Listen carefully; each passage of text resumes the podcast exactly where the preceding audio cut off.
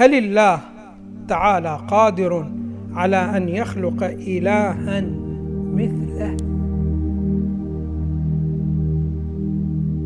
من اعتقاداتنا نعتقد أن الله سبحانه وتعالى قادر وقدرته غير محدودة يعني لا متناهية.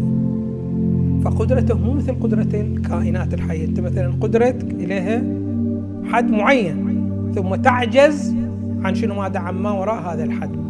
فهل الله سبحانه وتعالى كوجودنا؟ نقول لا. الله سبحانه وتعالى قادر وقدرته لا محدوده ولكن عندنا مسألة أخرى يجب أن نلتفت لها.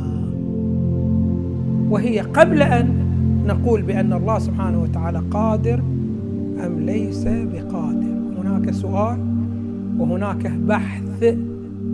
لا بد ومن الضروري أن نتوجه إلى هذا البحث.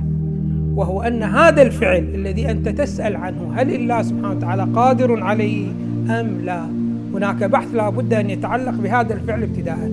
هل هذا الفعل في نفسه ممكن التحقق أو غير ممكن التحقق؟ هذا السؤال ضروري جدا بشكل لماذا؟ لأن القدرة يقولون إنما تتعلق بالأمور الممكنة ولا تتعلق بالأمور المستحيلة. فمثلا الآن أنت عندك الآن مثلا فرضنا شنو ماذا؟ لو كان فعل مشتمل على الاجتماع بين النقيضين. مثلا واحد يقول لك شنو ماذا؟ أريدك تكون هنا ولست هنا. يقول لك ما يمكن. إما أن أكون هنا أو أكون لست هنا. أما أكون هنا ولست هنا هذا أمر شنو هذا مستحيل في نفسه غير ممكن التحقق. فهنا هكذا أفعال ما يأتي أن الله يقدر عليها أو ما يقدر عليها. نعم إذا قلت شنو ماذا؟ أن الشيء ممكن تقول أن الله سبحانه وتعالى هل يفعله أم لا يفعله؟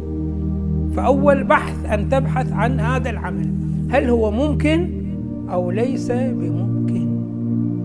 هذا نفس السؤال الذي جاء في أيام أمير المؤمنين سلام الله عليه. سأل أمير المؤمنين قال هل يستطيع ربك أن يضع العالم على كبره في, البيضة على صغرها. هل يستطيع أم لا؟ قال له ويحك لا يوصف الله بعجز ولكن الذي تقوله لا يمكن. والقدرة تتعلق بالأمور الممكنة فإذا تعلقت بالأمور الممكن ولم يحصل عند ذلك يوصف بعجز. أما هنا القدرة من الأساس لا تتعلق بهكذا. فهنا أنت تقول أن يخلق إله مثله. هذا الكلام كلام متناقض. لماذا؟ لأنه أنت تقول يخلق. يخلق هذا معناه أنه شنو ماذا؟ الذي راح يخلقه. يكون متصف بصفة المخلوق أم لا؟ يكون متصف بصفة المخلوق. هي من ناحية. وتقول مثله من كل ناحية. كيف يكون مثله من كل ناحية ويكون مخلوق؟ هو خالق غير مخلوق. هي واحدة من صفاته الأساسية. فإذا قلت أنت شنو ماذا يخلق واحد مثله. فمن باب مثله راح يكون مشابه له في كل الحيثيات. ويكون أيضا شنو ماذا خالق غير مخلوق. هذا حكم احتراما للمثلية التامة. أي من ناحية؟ ومن ناحية أخرى تقول يخلقه. يعني مخلوق. فكيف؟ أساسا هذا الفرض الذي يتكلم عنه هو شنو؟ ماذا فيه تناقض؟ من باب تقول مثله من كل ناحية ومن باب تقول هو مخلوق له يخلقه مثله. فهذا الفعل في نفسه شنو؟ ماذا؟ محال.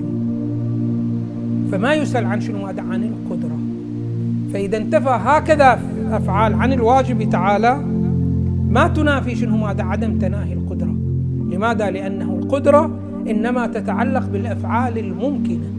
وإذا كان هذا الفعل في نفسه محال فالقدرة ما تتعلق به.